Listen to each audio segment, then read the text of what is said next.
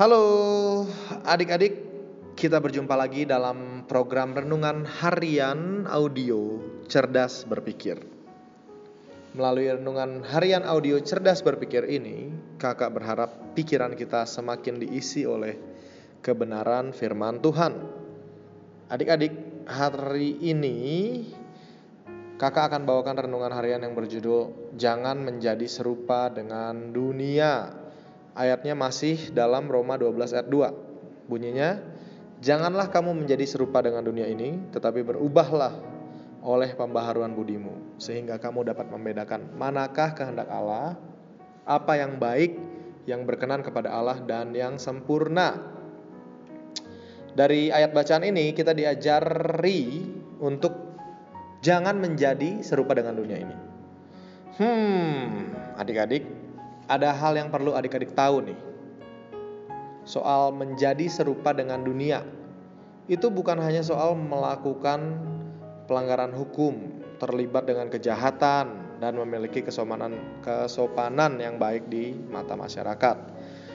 Soalnya kalau menjadi serupa dengan dunia, cukup kita hubungkan dengan terlibat kejahatan, maka kita bisa menjadi puas dengan hidup kita tanpa berusaha memahami kehendak Bapa. Kita akan berpikir, aku kan sudah jadi orang baik, sudah cukup lah. Yang penting rajin ke gereja, hidup sopan di mata orang, sudah cukup lah itu. Hmm, kakak ulangi ya. Soal menjadi serupa dengan dunia bukan cuma soal melakukan pelanggaran hukum atau tidak, terlibat dengan kejahatan atau tidak, atau memiliki kesopanan yang baik di mata masyarakat atau tidak.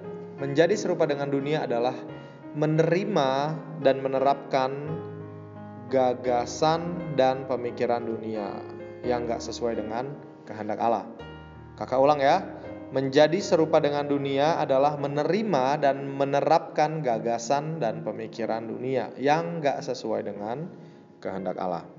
Seseorang bisa saja gak melakukan kejahatan dan pelanggaran hukum, bahkan seseorang bisa saja terlihat sopan di mata masyarakat, tetapi hidup dalam gagasan dan pola pikir dunia yang gak sesuai dengan kehendak Allah.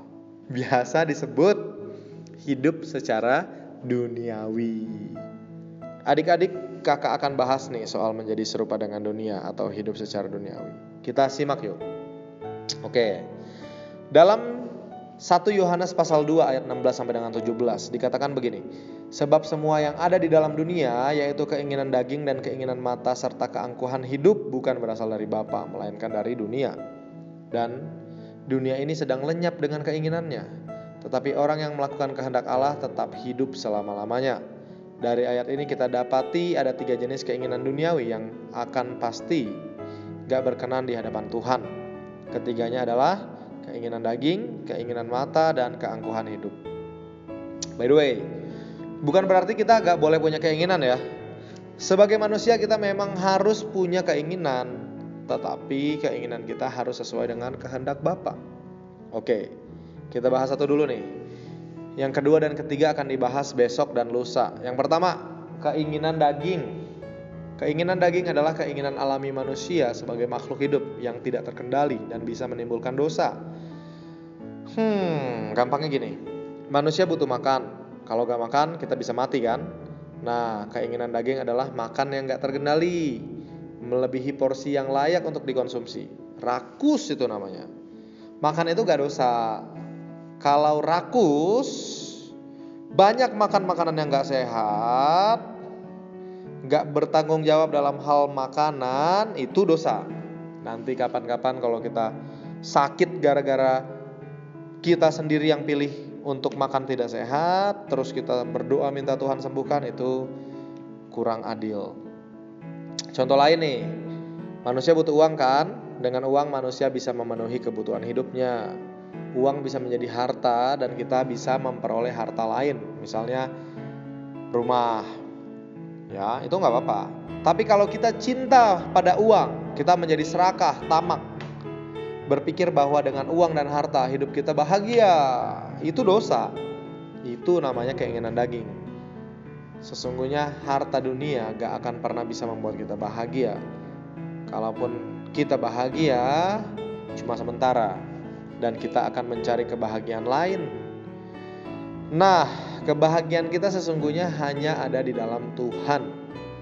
Kalau kita berpikir bahwa dengan harta kita bisa bahagia, kita telah menggantikan Tuhan dengan harta. Sebenarnya Tuhan ingin kita berbahagia di dalam cara-cara yang sesuai dengan kehendak Beliau. Kalau kita mencari kebahagiaan dengan melakukan hal-hal yang di luar kehendak beliau, yang mengecewakan beliau, yang merugikan orang lain, kita sebenarnya nggak bahagia. Kita cuma senang. Ada perbedaan antara senang dan bahagia. Ya, it's different. Having fun doesn't make us happy. Masih banyak contoh lain soal keinginan daging. Intinya, keinginan daging adalah keinginan alami manusia yang tidak kita kendalikan. Mari kita berdoa. Bapa di surga, kami bersyukur untuk kebaikan-Mu di dalam kehidupan kami, bahwa kami masih ada pada saat ini, dan kami masih bisa hidup, masih bisa memilih untuk menjadi berkat bagi orang lain di sekitar kami. Itu hanya karena perkenanan Tuhan. Tolonglah kami yang masih muda ini untuk terus melatih diri kami to practice our self-control, to do even better, supaya kami boleh senantiasa menyenangkan hati Tuhan dan menjadi berkat buat bangsa dan negara kami, berkat buat orang-orang yang ada di sekitar kami. Terima kasih Tuhan, tolonglah kami karena tanpa Engkau kami tidak dapat mengerjakan apa pun. Di dalam nama Kristus kami sudah berdoa dan sangat bersyukur adik-adik yang percaya mari kita katakan amin. Oke. Soal keinginan mata dan keangkuhan hidup akan dibahas dalam renungan harian episode berikutnya. Dadah.